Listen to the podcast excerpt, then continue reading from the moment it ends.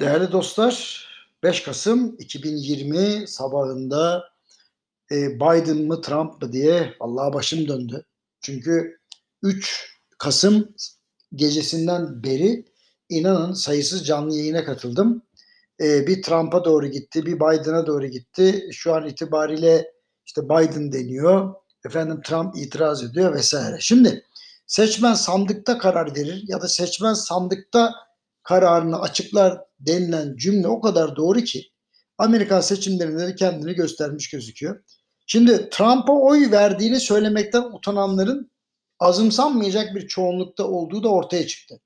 Oy sayımı ile ilgili kavga gürültü mutlaka çıkacak ama e, yani bu sonuçlar benim için sürpriz değil. Gerçi hangi başkan gelirse gelsin Türkiye ile Amerika arasında çözülmemiş birden çok mesele var. Ekonomik parametreleri bozulmuş olan Türkiye'nin e, Trump ya da Biden seçilse de kaynak ihtiyacı gerçeği ortada duruyor. Ancak Türkiye tüm meseleleri adalet, özgürlük, eğitim seviyesini yükseltmeye karar verdiğini göstererek aşabilir.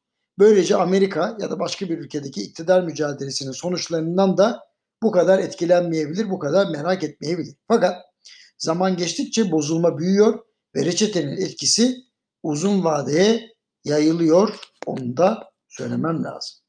Enflasyona dönersek. Açıklanan rakamlara göre yılbaşından bu yana Nisan ayına kadar mutedil seyreden çekirdek enflasyonun son aylarda yükselme eğilimine girmiş olduğu gözüküyor. Yani e, bu bize, bize gösteriyor ki mevsimine bakılmaksızın her ay satın aldığımız mal ve hizmetlerin yükselişi gözle görülür halde. Ekim ayında fiyatı en çok artan ürünler çoğunlukla giyim ayakkabı olmuş.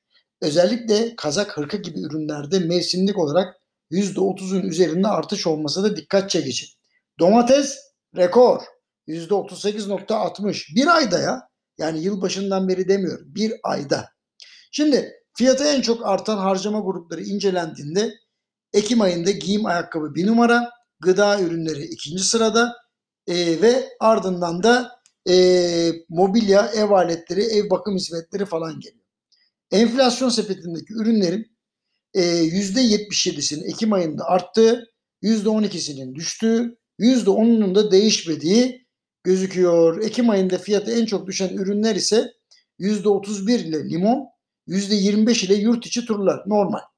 Ancak harcama grupları açısından baktığımızda öyle ahım şahım bir düşüş yok. Mesela eğlence kültür en çok düşenler sıkı durun. %0.09 düşmüş. Alkol ve tütün mamullerinde ise %0.01 düşüş olmuş. Yani bu enteresan bir durum. Onda altını çizeyim. Yani ee, şöyle diyeyim size gıdadan da kötü haber geliyor.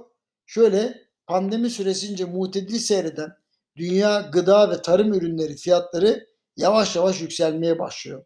Türkiye'deki gıda ve tarım ürünleri fiyatları ise bu süreçte sürekli olarak yükseldi. Yani düşmedi hiç.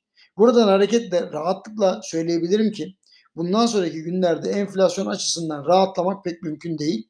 Çekirdek enflasyon yükselmeye devam ederken dünyada tarım ürünlerinin fiyatlarının yükselmeye başlaması Türkiye için hayra alamet değil.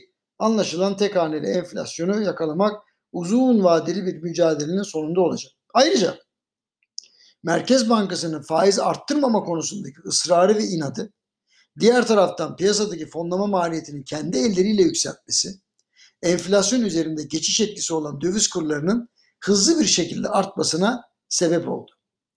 Bu etkinin azalması ve döviz kurlarının sakinleşmesi için epey bir vakit geçmesi gerekecek. Dolayısıyla gelecek sene enflasyonun tek hane olması için verilecek bir mücadele varsa vallahi bunun ismine Pirüs zaferi demek mümkün olabilir. Ne demek istediğimi Google hazretlerine girin anlarsınız. Pirus zaferi. Şimdi dün de belirttim. Biden'ın seçilmesi durumunda döviz kurlarının hareketi devam edecek ve enflasyon üzerinde olumsuz bir seyir oluşacak.